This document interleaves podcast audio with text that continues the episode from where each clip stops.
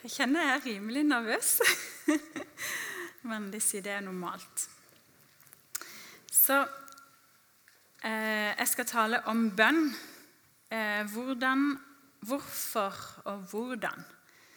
Og det er jo kapittel fem da, i alfaopplegget, hvis noen har den boka. Eh, bønn kan jo for mange oppleves kjedelig eller uviktig eller en ting som man bare ikke har tid til å prioritere eller ser nødvendigheten av. Men nå i disse tider så har vi blitt bedt om å forberede en eske av myndighetene. Oppi den eska skal vi ha litt fyrstikker, vi skal ha litt sånn plaster, eh, noen jodtabletter, litt sånn beredskap.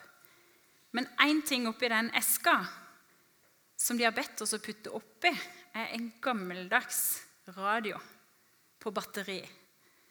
Det er ganske mange nordmenn som ikke hadde det i hus når dette kom opp på lista. at vi skulle forberedes med det. Og hvorfor skal vi ha en radio med batteri?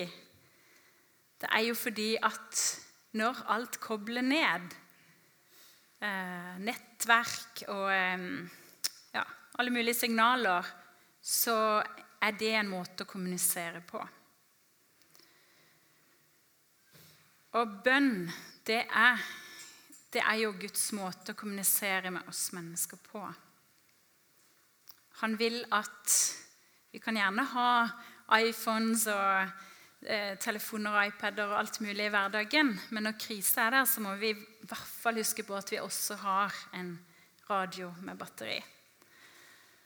Og eh, Gud har gitt oss bønn i hverdagen, ikke bare i krisesituasjoner, men eh, at vi har en måte å alltid kunne kommunisere med ham på.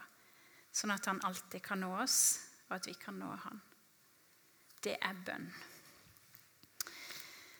Så på tross av at vi lever i et sekulært samfunn hvor Gud for de fleste er fraværende i livet, så er det likevel mange som innrømmer at de ber. Iallfall av og til, og noen ganger. Det var en undersøkelse i Storbritannia for eh, ganske mange år siden nå, så den er kanskje ikke helt relevant, men, eh, men det, der viste det seg at tre fjerdedeler av befolkninga innrømmer at de ba minst én gang i uka. Eh, og hvordan det står til statistisk sett her i Norge, det aner jeg ingenting om. Men det som er viktig, er jo åssen det står til i hjertene våre med relasjonen vår til Gud.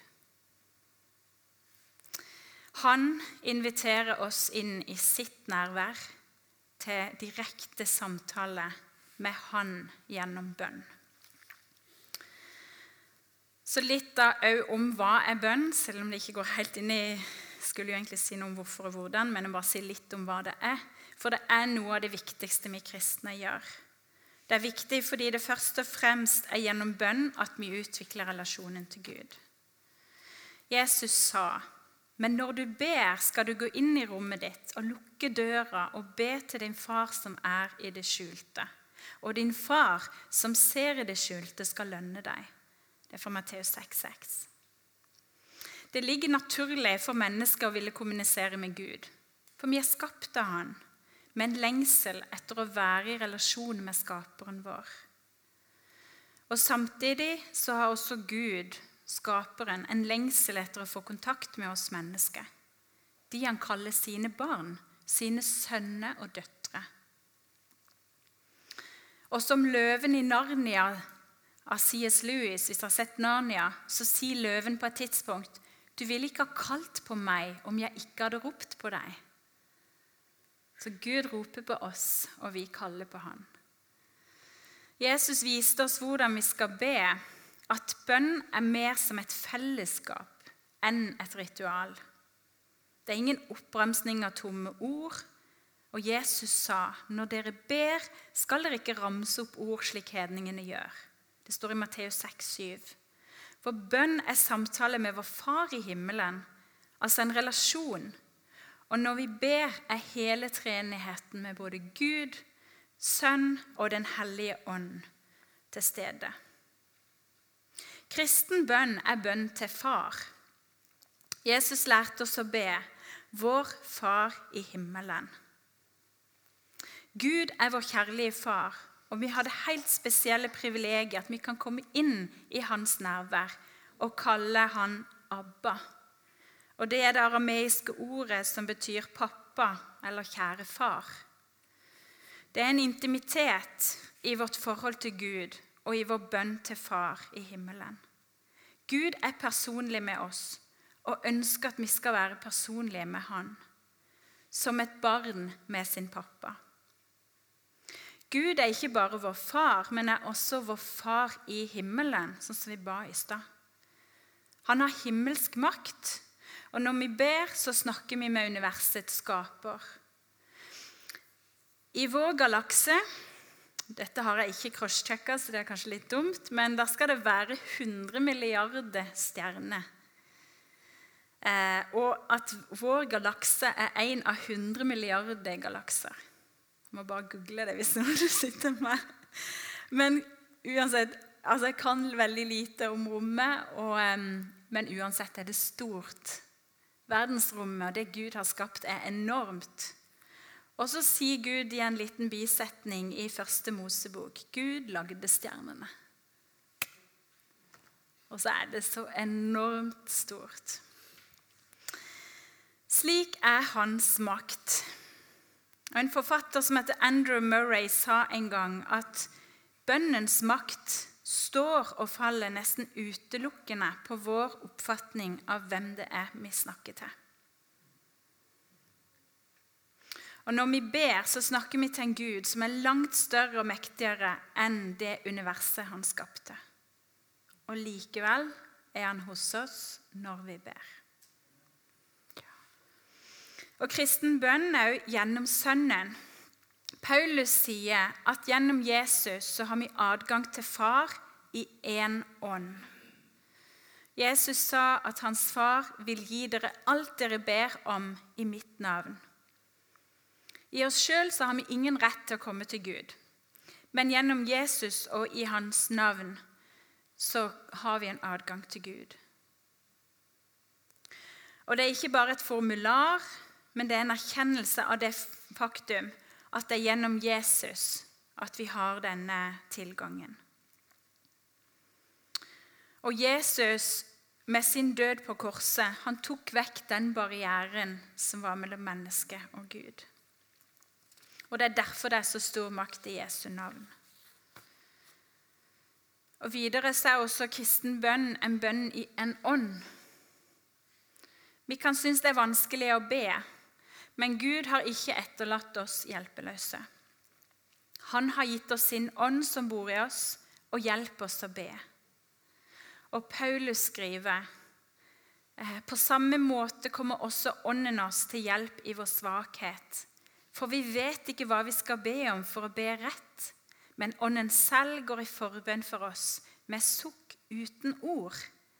Og Han som gransker hjertene, vet hva Ånden vil, for Ånden ber for de hellige etter Guds vilje. Det er sterkt. Eh, de versene har betydd så mye for meg. Det var en gang jeg var på leir for det er mange år siden. Det var jo i år 2000, faktisk, og nyttårsaften. Og så skulle vi be inn det nye tusen, årtusenskiftet. Og det var veldig fint. Eh, men da var det en situasjon jeg sto oppi med noen nær til meg som hadde veldig store problemer. Og jeg kjente jeg hadde ingen ord. Jeg gikk bare tom for ord. Jeg visste ikke hva jeg skulle si til Gud, for jeg visste ikke hva jeg skulle be om. Men jeg bare visste at dette mennesket trenger Gud. Og da kom Gud med sin ånd og ga meg tungetale. Og det bare begynte å renne ut mange ord som jeg ikke selv forsto, men jeg bare kjente at hele hjertet ble bare sånn tømt. Alt det jeg liksom gikk og kjente på overfor dette mennesket, bare rant ut. Og det er sånn ånden kan virke. Um,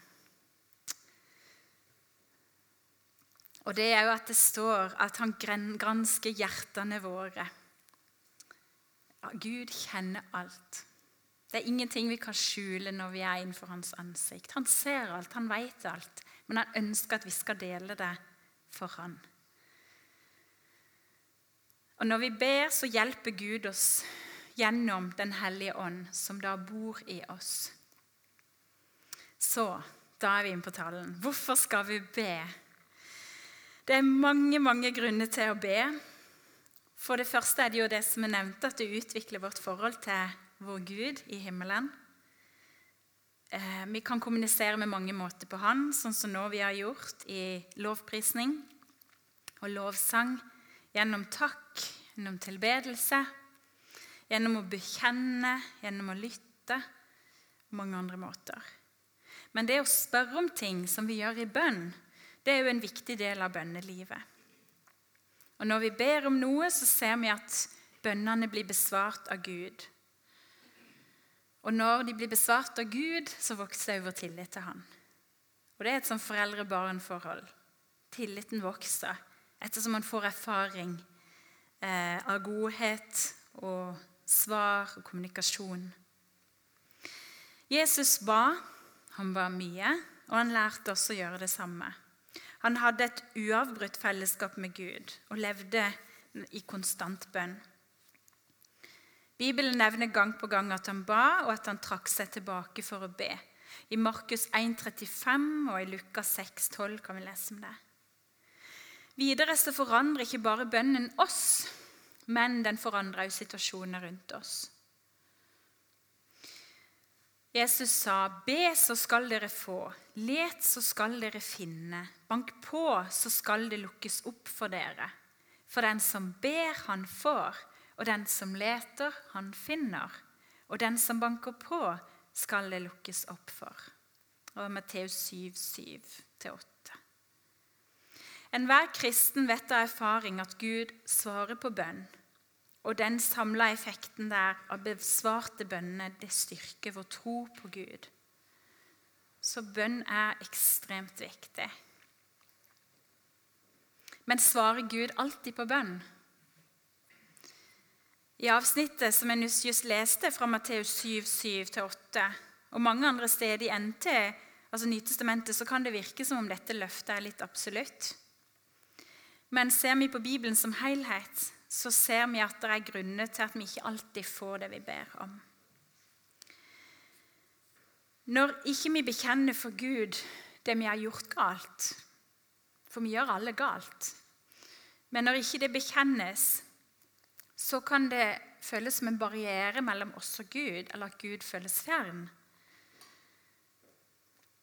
Men det står i Isaiah 59, vers 1-2.: Se, Herrens hånd er ikke for kort til å frelse, og hans øre er ikke for tungt til å høre. Nei, det er skylden som skiller dere fra Gud. Syndene deres skjuler ansiktet hans, så han ikke hører dere. Vi gjør selvfølgelig alle feil. Og hvis dette skulle diskvalifisere oss fra å be, så kunne ingen av oss be. Men Jesu død på korset har gjort en forskjell. Det han gjorde der, når han tilga oss, det gjorde oss i stand til å be. Men det kan være greit å vite at om noen føler at, eller sier at de føler det som om at de ikke kommer gjennom til Gud, som om at det er noe, noe der, men det er noe som stenger, så kan det være godt at vi spør om de har tatt imot tilgivelsen på korset.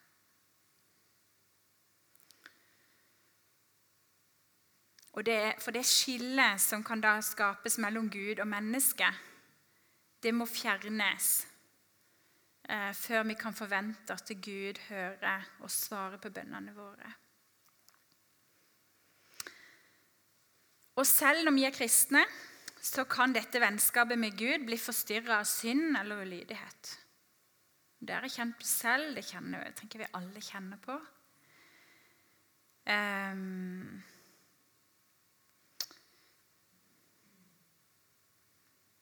Men Johannes skriver, 'Mine kjære, dersom vårt hjerte ikke fordømmer oss, kan vi være frimodige overfor Gud.' Og det vi ber om, får vi av ham, for vi holder hans bud og gjør det som er godt i hans øyne. Det står i 1. Johannes 3, 21-22. Men hvis vi er klar over noen form for synd eller ulydighet mot Gud, da må vi vende oss bort ifra det. Vi må be om tilgivelse, sånn at det forholdet vi har til Gud, kan gjenopprettes. Og da kan vi komme med, til Han med frimodighet igjen.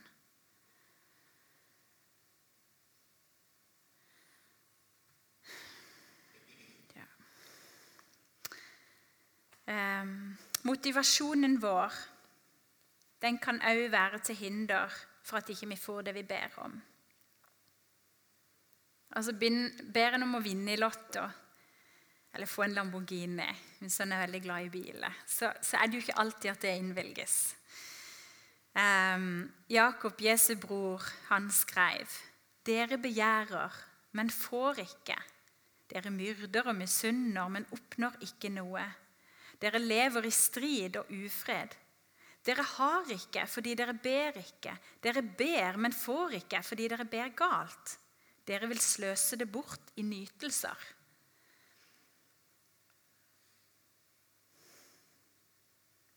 Så vi kan ha en gal motivasjon for hvorfor vi ber når vi ber.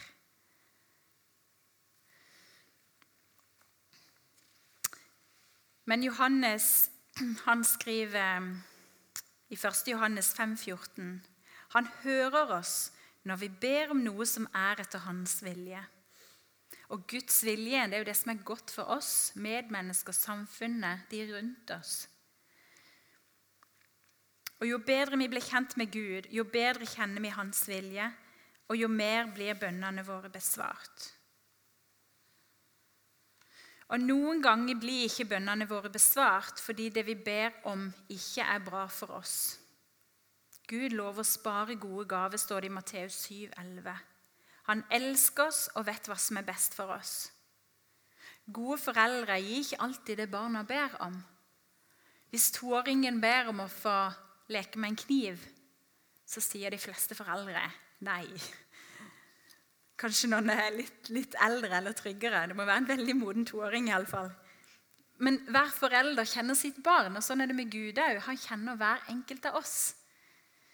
Eh, og, og svarer oss deretter. En som heter John Stott, han har skrevet flere bøker. Han har skrevet at Gud vil svare nei dersom det vi ber om, enten ikke er godt i seg sjøl, eller ikke er godt for oss eller andre, direkte eller indirekte, umiddelbart eller i det lange løp. Svaret på våre bønner kan være ja, nei eller vent.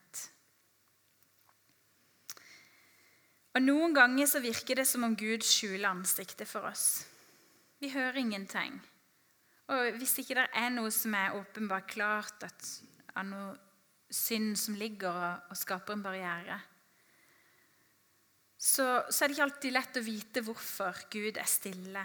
Men da er det viktig å bare sette sin lit til Gud, til tross for tausheten. Og noen ganger i dette livet Det har noen av oss kjent på. Så får vi aldri en forklaring på hvorfor svaret ble nei. i vanskelige tider, spesielt om noen vi har bedt om å få leve, dør fra oss. Eller en annen meningsløs situasjon som vedvarer.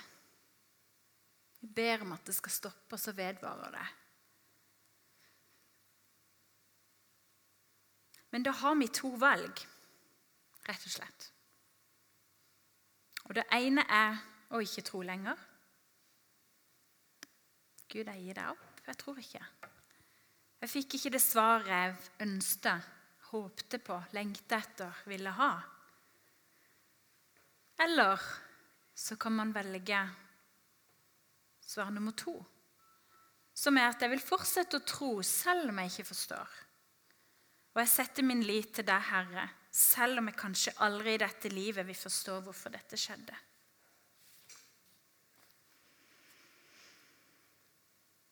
Og mange ganger må vi kanskje vente til helt til vi møter Gud ansikt til ansikt i himmelen for å skjønne hva som var hans vilje. Og hvorfor våre bønner ikke ble besvart slik vi håpte på.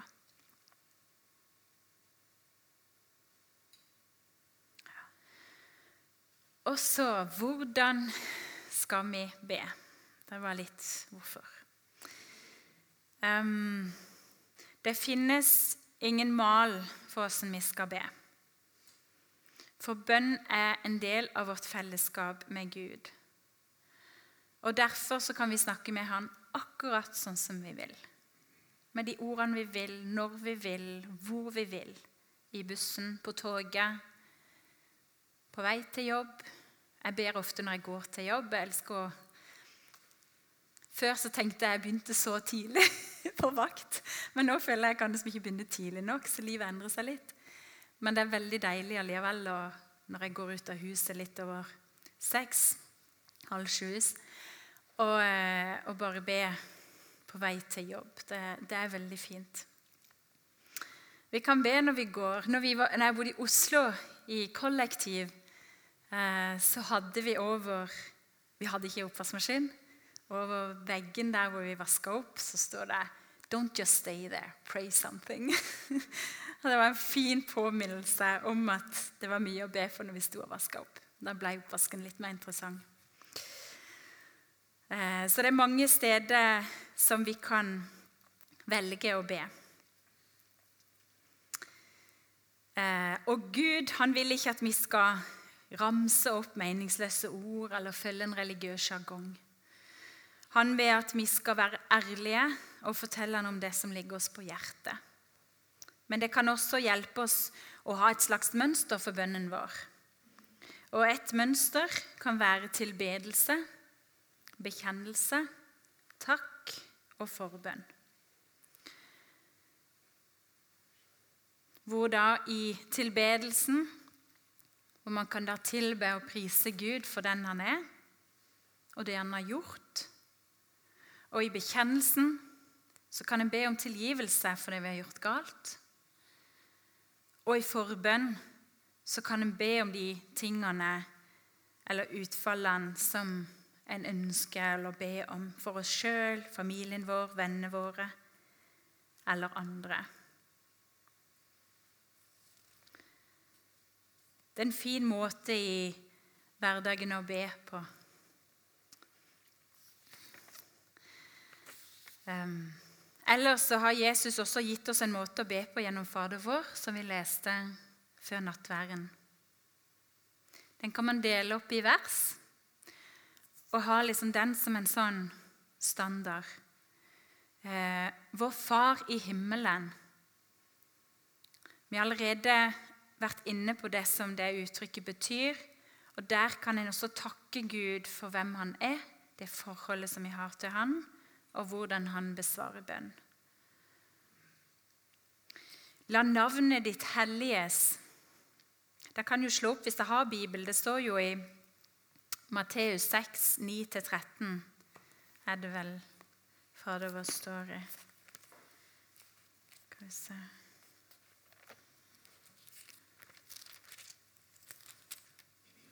Hva var det jeg sa? 6, 9 hmm.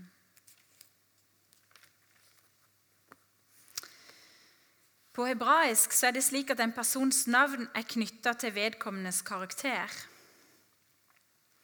Og Det å be Gud om at Guds navn må bli helliga, det å be om at han må bli æra. Og rundt oss i samfunnet vårt så er vi jo i dag vitne til at det er mange som ikke bryr seg om Gud. Og det er mange som misbruker navnet hans. Og det gjør vondt. Jeg kjenner jeg skal ikke henge ut nå, skal ikke si noe. Men jeg merker det veldig mye i hverdagen, og jeg kjenner det trekker seg hjertet. Noen gjør det bare helt uten å tenke, og at de misbruker Guds navn. Eh, men det kan vi be om, da. Om at Guds navn må bli helliga i samfunnet, på jobben, i hverdagen der vi er, i familien vår. At vi holder Guds navn hellig, og at andre rundt oss holder Guds navn hellig. så er det 'la ditt rike komme'. Guds rike, det er hans styre og herredømme. Og Det vil jo bli fullstendig når Jesus kommer igjen. Men dette riket trengte seg jo inn i historien når Jesus var her og tjenestegjorde. Og når vi ber 'la ditt rike komme', så ber vi om at Guds styre og herredømme må komme inn her og nå. Både nå og i framtid. Og det omfatter òg om at folk må bli omvendt, helbreda, satt fri, bli fylt av Den hellige ånd og motta Åndens gave. Sånn at vi sammen kan tjene og adlyde kongen. En forkynner som het D.L. Moody, han levde på 1900-tallet. Høres veldig lenge siden ut. Men han skrev ned en liste som han hadde med 100 navn. Og det sies at altså Som han ba om skulle møte Jesus, få et møte med Jesus og bli frelst. Og det sies at 96 ble frelst mens han levde. Jeg har sjøl en opplevelse når vi starta Nordkirken Hall, så lagde vi et sånt, tank, sånt kart med relasjonene vi sto i. Og så begynte vi å be for de relasjonene vi hadde. Og når jeg ser tilbake på det, så er det litt sterkt. Det er um, fint. Men det sies også at han her Moody, da Han eh, Man tror om han er egyptisk. Jeg har en kompis av Egypt som heter Moody. Men uh, I don't know. Men det sier da at de fire siste de ble omvendt i hans begravelse. Så det syns jeg var veldig oppmuntrende. Veldig sterkt. Vi har jo sjøl en erfaring når Sam mista sin bror i fjor. Og i begravelsen hans var det jo 300 mennesker, stort sett unge folk, som ga sitt liv til Jesus. Og i begravelsen etterpå som var en uke etterpå, så var vi med på 600 som ga sitt liv til Jesus. Men møtet med livet og døden, eller møtet med døden i livet, det får oss til å tenke. Da blir alt annet mindre viktig. Så vi må være frimodige. Og Vi ber ikke bare om Guds styre og herredømme i menneskers liv, men også for en forvandling av samfunnet. Vi ber om Guds fred og rettferdighet og medlidenhet. Og det er inni det vi må be nå, med Ukraina og verden som helhet, og lederne våre. Vi må be. Gud trenger ikke at de engang tror på Han, men, men når vi ber, når de troende ber, så skjer det store ting. Eh, så vi må bare be.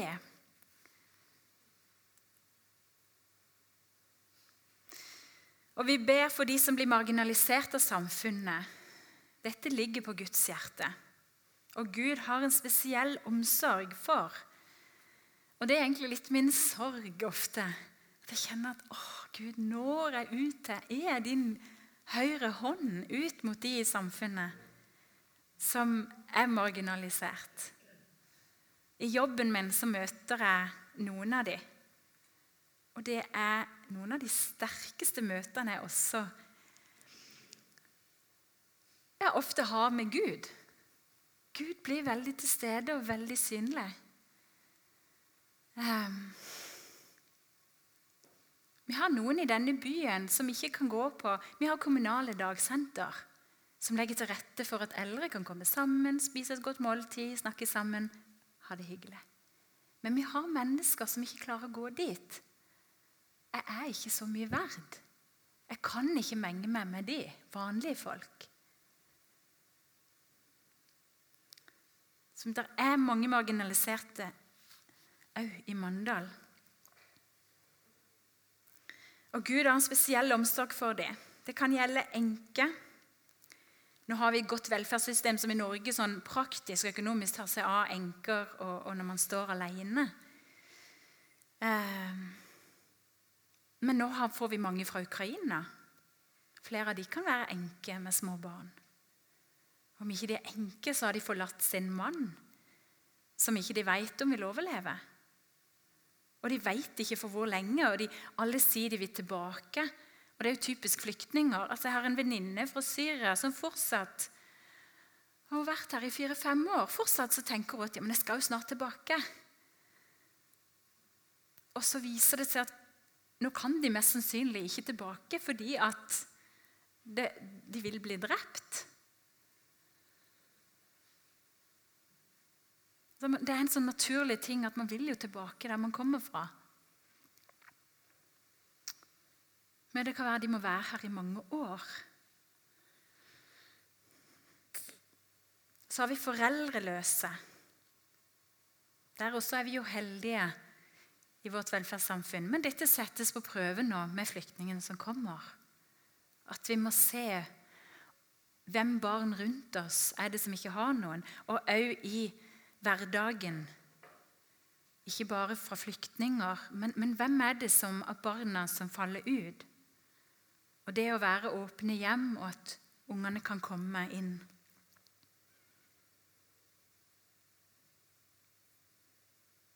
Og I Uganda så møtte vi en og Kanskje vi var på et veldig sårbart punkt med oss sammen. sammen. Vi, vi grein og grein. Altså Det var historie på historie som bare kom i fanget på oss. Og vi bare Å, Gud, hva skal vi gjøre? Og man føler seg så maktesløs. Men eh, tida de fikk vi i hvert fall sendt på skole. Nei, Det er utrolig mange skjebner i denne verden, så det er nok av jobb for oss troende. Nok av mennesker å ta seg av. Og fange. Vi har jo fengsel som er kommet til Mandal. Og alle de som er ensomme og uten håp. Vi har et ansvar å be for disse menneskene, og også når vi ber det som skjer Gud bruker ofte oss som et svar inni det vi ber om. Det skal ikke hindre oss i å be, for det er ikke noe finere enn å gå i de gjerningene vi sier ferdiglagte gjerninger. De, det som Gud vil lede oss inn i. Så vi må være frimodige i bønnen. Da vil vi se hvor vi skal gå, og hva Han skal legge i hendene på oss. Og Noen ganger så ser vi jo ikke den veien, og vi ser ikke de tingene. Jeg har sjøl følt at det har vært litt sånn ørkenfase etter vi kom hjem fra Mali. For jeg bare skjønner ikke hvorfor jeg skal være her, i Norge alle steder. hvor du kan finne en bibel på hver bokhandel. Alt er fritt. Du kan tilbe. Men nå er jeg her, da. Men det er ikke alt vi skal se. Um, La din vilje skje på jorden slik som i himmelen. I vers 10. Dette betyr ikke å resignere, men å gi slipp på alle de byrdene som vi ofte bærer på. Mange kan bli urolige. Jeg kjenner meg veldig igjen i dette når en stilles overfor avgjørelser. Enten de er store eller små, og spesielt hvis det er lite tid. Jeg liker å forberede meg. Jeg kan ikke dra når det er sånn. Og så prøver jeg å være fleksibel.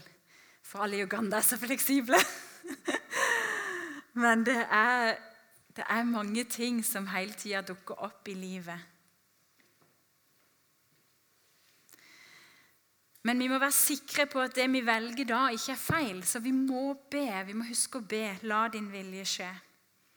Og Salmisten David sier i Salme 37, 5, Legg din vei i Herrens hånd, stol på Han, så griper Han inn. Når vi sto overfor de begravelsene, så fikk vi dødsbudskapet til samsbror om morgenen. Og vi måtte ta en avgjørelse veldig fort. og Innen klokka syv så hadde vi det meste på plass. Vi hadde fått testa for covid. vi hadde fått, Dette var for Sam som skulle reise. Billetter var på plass. Det var så veldig veldig mye. Vi bare kjente, vi ba, og vi kjente fort en sånn fred at Sam måtte reise i sin brors begravelse. Da bestemor døde, så hadde vi verken økonomi eller mulighet, og billettene var dyrere enn noen gang. og jeg husker Da fikk vi det ikke til. Men nå bare var det så tydelig at Sam skulle reise. Og innen Neste morgen klokka syv, nei, klokka syv så satt vi i bilen. Vi var på Gardermoen vel i tolvtida. Og så dro han. Og alt bare ordna seg. Det la seg bokstavelig talt rett i hendene våre. Og vi skjønner ikke hvordan alt gikk. Altså, Det er egentlig ikke praktisk mulig å få gjennomført alt med covid-test og få resultat og alt på Vi snakker 24 timer.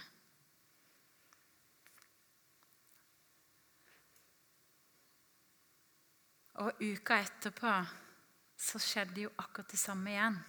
Neste morgen dødsbudskapet på morgenen. Og Da var det meg og ungene som dro. Og neste morgen kjørte min far sin. Vi var også under Jeg husker ikke, men det var få timer. Ja, det var vel under 24 timer, det. Alt bare ordna seg. Tester. Og billettene var ikke dyrere enn de er når vi, vi pleier å planlegge. sant? Tilbake til planlegging. Liker å ha oversikt og orden. Når vi planlegger, så var billettene en pris. Og nå fikk vi for alle fem billetter til samme pris. At vi hadde råd til å reise. Og det lille ikke vi hadde råd til, det var noen som sendte oss i pengegave. Så det var Gud er fantastisk. Selv når livet er, holder på å falle sammen og briste, og man ikke helt vet hvor man skal stå.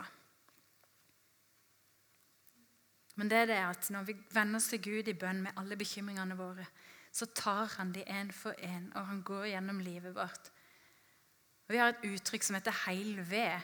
Jeg tenker Det er ikke noe som kan skape sterkere heil ved enn når Gud får lov å jobbe gradvis i oss. Gi oss i dag vårt daglige brød. Daglig brød kan jo bety nattverden, og det kan bety Guds ord. Men eh, Luther han mente at det hadde med de grunnleggende behov å gjøre, og at Jesus refererer til alt som er nødvendig for livets opprettholdelse. Som mat, helse, godt vær, hus, hjem, ektefelle, barn, en god regjering, fred. Gud er opptatt av alt du og jeg er opptatt av. Og akkurat som at jeg vil at barna mine skal snakke med alt med meg, så er det ikke de gjør det alltid, og det kan være så frustrerende å stå på sida og bare liksom åh. Men Gud lengter etter og vil at vi skal dele alt med Han. Akkurat sånn som vi ønsker det for våre barn. Eh, og det er ikke galt å be om egne behov så lenge Guds navn og Guds rike og Guds vilje er første prioritet. Tilgi oss vår skyld slik også vi tilgir våre skyldnere. I vers 12. Jesus lærte oss jo å be om dette, på tross av at vi egentlig Han har jo også lært oss at i Han så får vi full og hel tilgivelse. Vi er helt tilgitt. Og Allikevel så lærer han oss i Fader vår at vi skal be 'tilgi oss vår skyld'. Så hva er dette her? Eh, men Jesus gir en god forklaring i Johannes 13 når han skal vaske føttene til Peter. Og Peter sier, 'Aldri i evighet skal du vaske føttene mine.' Men Jesus svarer han, 'Den som er bada, er allerede ren og trenger bare å vaske føttene.' Og Dette er et bilde på tilgivelse. Når vi kommer til korset, så blir vi fullstendig rene og tilgitt. Alt er tatt hånd om. Men på vei gjennom verden og livet så gjør vi ting som flekker til vårt vennskap med Gud. Forholdet står fast, men vennskapet blir skitna til av sølet.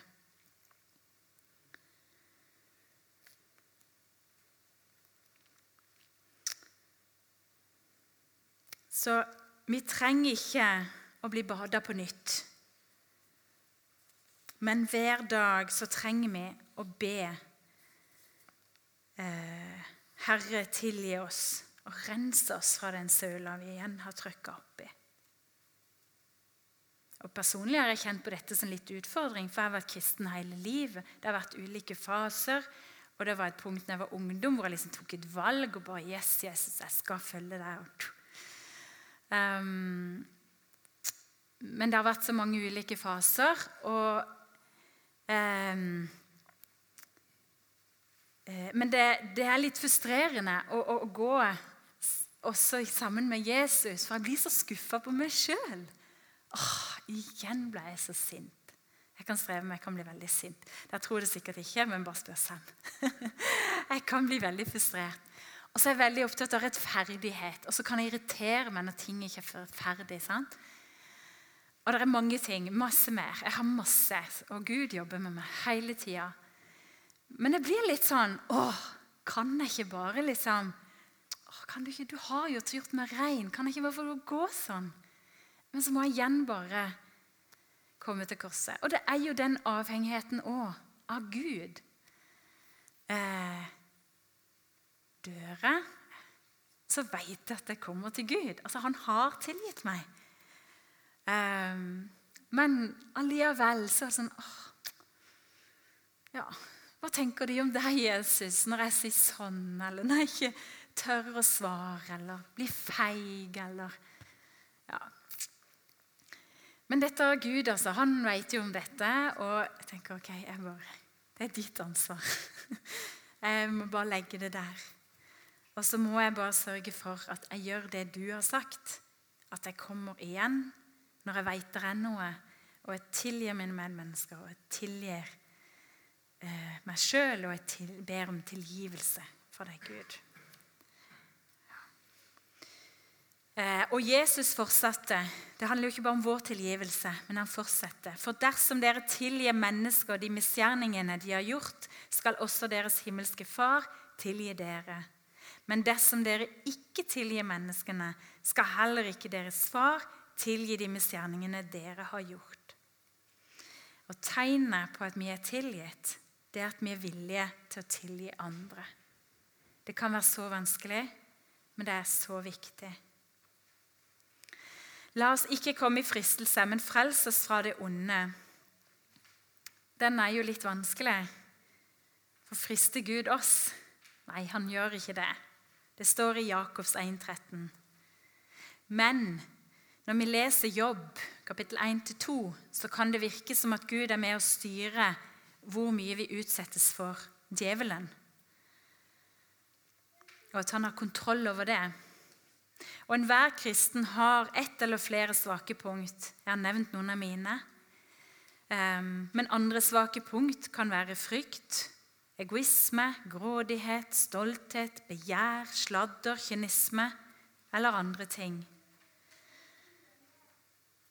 Og Hvis vi kjenner vår svakhet, så kan vi be om beskyttelse og ta ansvar for å unngå unødvendige fristelser. Så det var litt om hvordan, og kort litt da om bare når skal vi be. Jeg var litt inne på det i stad, at vi kan be mange steder. Nytestamentet oppfordrer oss også til å be uavbrutt, altså hele tida. Bare gå rundt i bønn. Vær tett på Gud. Jeg sier ikke at jeg skal legge ned arbeidsoppgaver på jobb. Vi, må, vi, skal gjøre vårt arbeid. Det står jo også 'gå til mauren du later, se på den strev og bli vis'. At vi skal jobbe, det er liksom en det, det, står jo òg i Bibelen. Så Jeg sier ikke at vi skal legge det vekk, men, men å være i bønn, å være tett på Gud og bare det, Å være i bønn, det tenker jeg liksom bare det å vite at okay, når det dukker opp noe oi, Så sorterer han opp i hodet, så klarer han kanskje ikke å finne ut av det. Og, så, og det be. Gud, hjelp meg nå. Jeg husker at Nils har jo delt et par ganger om ting sånn på jobb som du bare liksom har fått og delt eh, med Gud. Det, og det kjenner vi sikkert flere av oss at vi det, det dukker ting opp underveis på dagen. Som i en hvilken som helst relasjon så kan vi snakke mens vi holder på med andre ting. Men likevel så kan det være godt å sette seg ned bare for å snakke.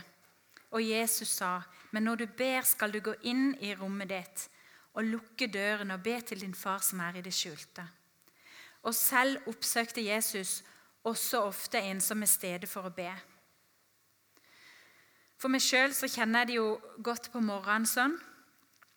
Og det kan være bra å ha en fast tid. Eh, men hva man velger, det er avhengig av personlighet og familiesituasjon og jobb. Eh, jeg syns òg det kan være godt eh, når jeg gjør husarbeid. Jeg vasker ikke så mye opp lenger, for nå gjør min mann mest det. Men vi har jo andre fordelinger som vi gjør det. Så det er ting jeg også gjør hjemme. og Der syns jeg det kan være godt, når, spesielt hvis jeg er alene, og går og be, og ellers når jeg har lagt meg. Eh, og det er av og til når jeg har lagt meg, og, og, da er jeg jo så trøtt, så da er det ikke alltid jeg liksom tenker over hva jeg ber. Og det var en kveld med oss hjem, vi la oss, vi var så trøtte. Jeg hadde vært syk i fem dager etter Uganda med en eller annen enten mage-tarminfeksjon. Vi begynte å lure på om det kunne være malaria, for feberen gikk opp og ned. Sant? Plutselig 39,5 der igjen. Og, så, og, det er jo et tegn på malaria. Det var søndag kveld. Du fikk jo ikke gå på gudstjeneste heller. For det ble litt mye hjemme, og vi var så trøtte og slitne. for vi hadde just kommet hjem fra Uganda, og så ble jeg syk. Og så la vi oss og ba, og så ba vi på kvelden. Og så ba jo også, vi ba jo også om at jeg måtte bli frisk, og så sovna vi der. Og så tenkte jeg ikke noe mer over det. og Neste morgen så var jeg klar for å gå til legen. hadde bestilt en ny time for legen forrige uke. hadde ikke funnet ut av hva det var. Jeg skulle bare avvente og se, og da tenkte jeg nei, nå begynner det å bli tomt her, så nå må jeg liksom finne ut av hva dette er. Eh, og hadde bestilt time hos legen klokka vel i ellevetida.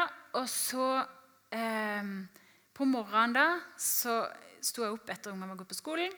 Sto opp, og så kledde meg, hoppa i dusjen. Og så satte jeg meg ned så hadde jeg litt tid der, og så tenkte jeg, ok, men da kan jeg bare be og lese litt i Bibelen. Og så satt jeg der og ba, og så opplever jeg at Jesus kommer foran meg. Og så står han der, og så sier han, 'Yes, Anne Katrine har gjort deg frisk.' Og jeg hadde nesten ikke tid til liksom å Hva, liksom? Og så ble jeg helt sånn, og så ble jeg bare så grepet av det. Så forsvant han igjen. Og så var det liksom Oi! Og så begynte jeg å kjenne på at liksom ja, hjelpes. Nei, jeg har ikke, det har jo ikke rennet i dag. Jeg har vært på do. Har ikke, liksom, Oi, jeg har ikke feber. Og så måtte jeg bare kjenne på det. Og så tenkte jeg hjelpes, jeg er jo faktisk blitt frisk. Noen kan si det var tilfeldighet. Jeg sier det var, det er jeg sikker på det var Jesus som gjorde meg frisk. Og så kom det bare for meg. Du tror og bekjenner. Og så tenkte jeg OK, Jesus, jeg tror. Takk. Og så var det neste, så tenkte jeg nå må jeg bare ringe rundt. Jeg har noen venner som ber for meg. rundt forbi, Ringte til Uganda, ringte til Norge, ringte til min mor. ringte rundt og bare fortalte vet du nå, jeg er blitt frisk. Jeg hadde vært behov for å fortelle om det. Jeg, de vært, hadde vært med å be. Og så veldig stort, men så ga det seg ikke. Det var akkurat som liksom, Den hellige ånd bare rulla det litt inni meg. At jeg skulle tro og bekjenne. Så bare tenkte jeg ja, ja. Og så tenkte jeg ok, jeg må jo avbestille den legetimen, da. Og så var det bare nei. Åh. Så tenkte jeg ok, jeg er sykepleier i Mandal kommune. Mandal er så lite, alle kjenner meg. Åh. Og så kjente jeg det litt sånn, men så ble jeg fylt med en fred. Og det, er ikke sånn, det er ikke sånn at Gud skal gjøre ting og presse oss til ting vi ikke vil. Det er ikke dit jeg vil hen. Men jeg ble fylt med en fred og tenkte ok, nå skal jeg bare ringe og si det på legekontoret. da, Hvorfor jeg er blitt frisk og ringte og sa du, jeg må bestille den timen, for Jesus han gjorde meg frisk. Jeg ba i morges, og han kom, og jeg ble frisk. Så ble det litt stille. og så sa hun oi, så fint, da. Og så ble de, og så ble vi liksom ja, så da trenger jeg jo ikke det under sekken. Nei, det var fint. Og så, så bare bestilte jeg timen. Slapp å betale for den også, da, selv om det var på kort varsel. Men, eh, men, da kjente jeg litt sånn, så gikk det litt sånn inni meg. Ja, ja, det ble sikkert den store snakkisen på lunsj. Åh. Men jeg bare tenkte ok. Men så var det sånn Ok, men hva er viktig for meg? Jesus, du betyr alt for meg. Altså, det er liksom Det er det som er viktig. Og så ble det OK, kan bare Jeg legger den av. og jeg står den ut. Um, så var det litt rart. Jeg er sikker at dere skal gjøre det, men hvis Den hellige ånd Når jeg kjente at det var noe jeg skulle gjøre eh, Og så vet jeg ikke om det var noe den personen trengte. Det er jo det vi ikke vet, hva er det som skjer på den andre sida. Men det er litt med å gå i tro og så la resten over til Gud. Så vil han ta resten. Ja, nå løper vel egentlig kanskje tida veldig fra, ja. Mm. Um, ja, Det kan være viktig å be alene, men det er jo viktig å be sammen med andre. Og En gruppe med to eller tre som man er trygg på og kjenner sin tillit til, kan være et godt bønnefellesskap. Ellers er jo vekstgruppa et kjempested å be høyt og be sammen. For det kan godt å øve seg i å be høyt sammen. Eh, fordi Jesus han sa også dette sier jeg dere. Dersom to av dere her på jorden blir enige om å be om noe, hva det enn er, skal de få det av min far i himmelen. Så det er når vi ber sammen og sier ting høyt, så er det en stor kraft i det. Eh, og det er verdt det eh, å prøve eh, å gjøre dette. Eh, vi er, For å runde det av, da. Vi er skapt av Gud for å leve i fellesskap og relasjon med Han. Og hans død på korset har gjort dette mulig. Eh, og gjennom bønn så kan vi styrke og gjøre dette vennskapet med Gud dypere. Derfor er bønn noe av det viktigste vi gjør.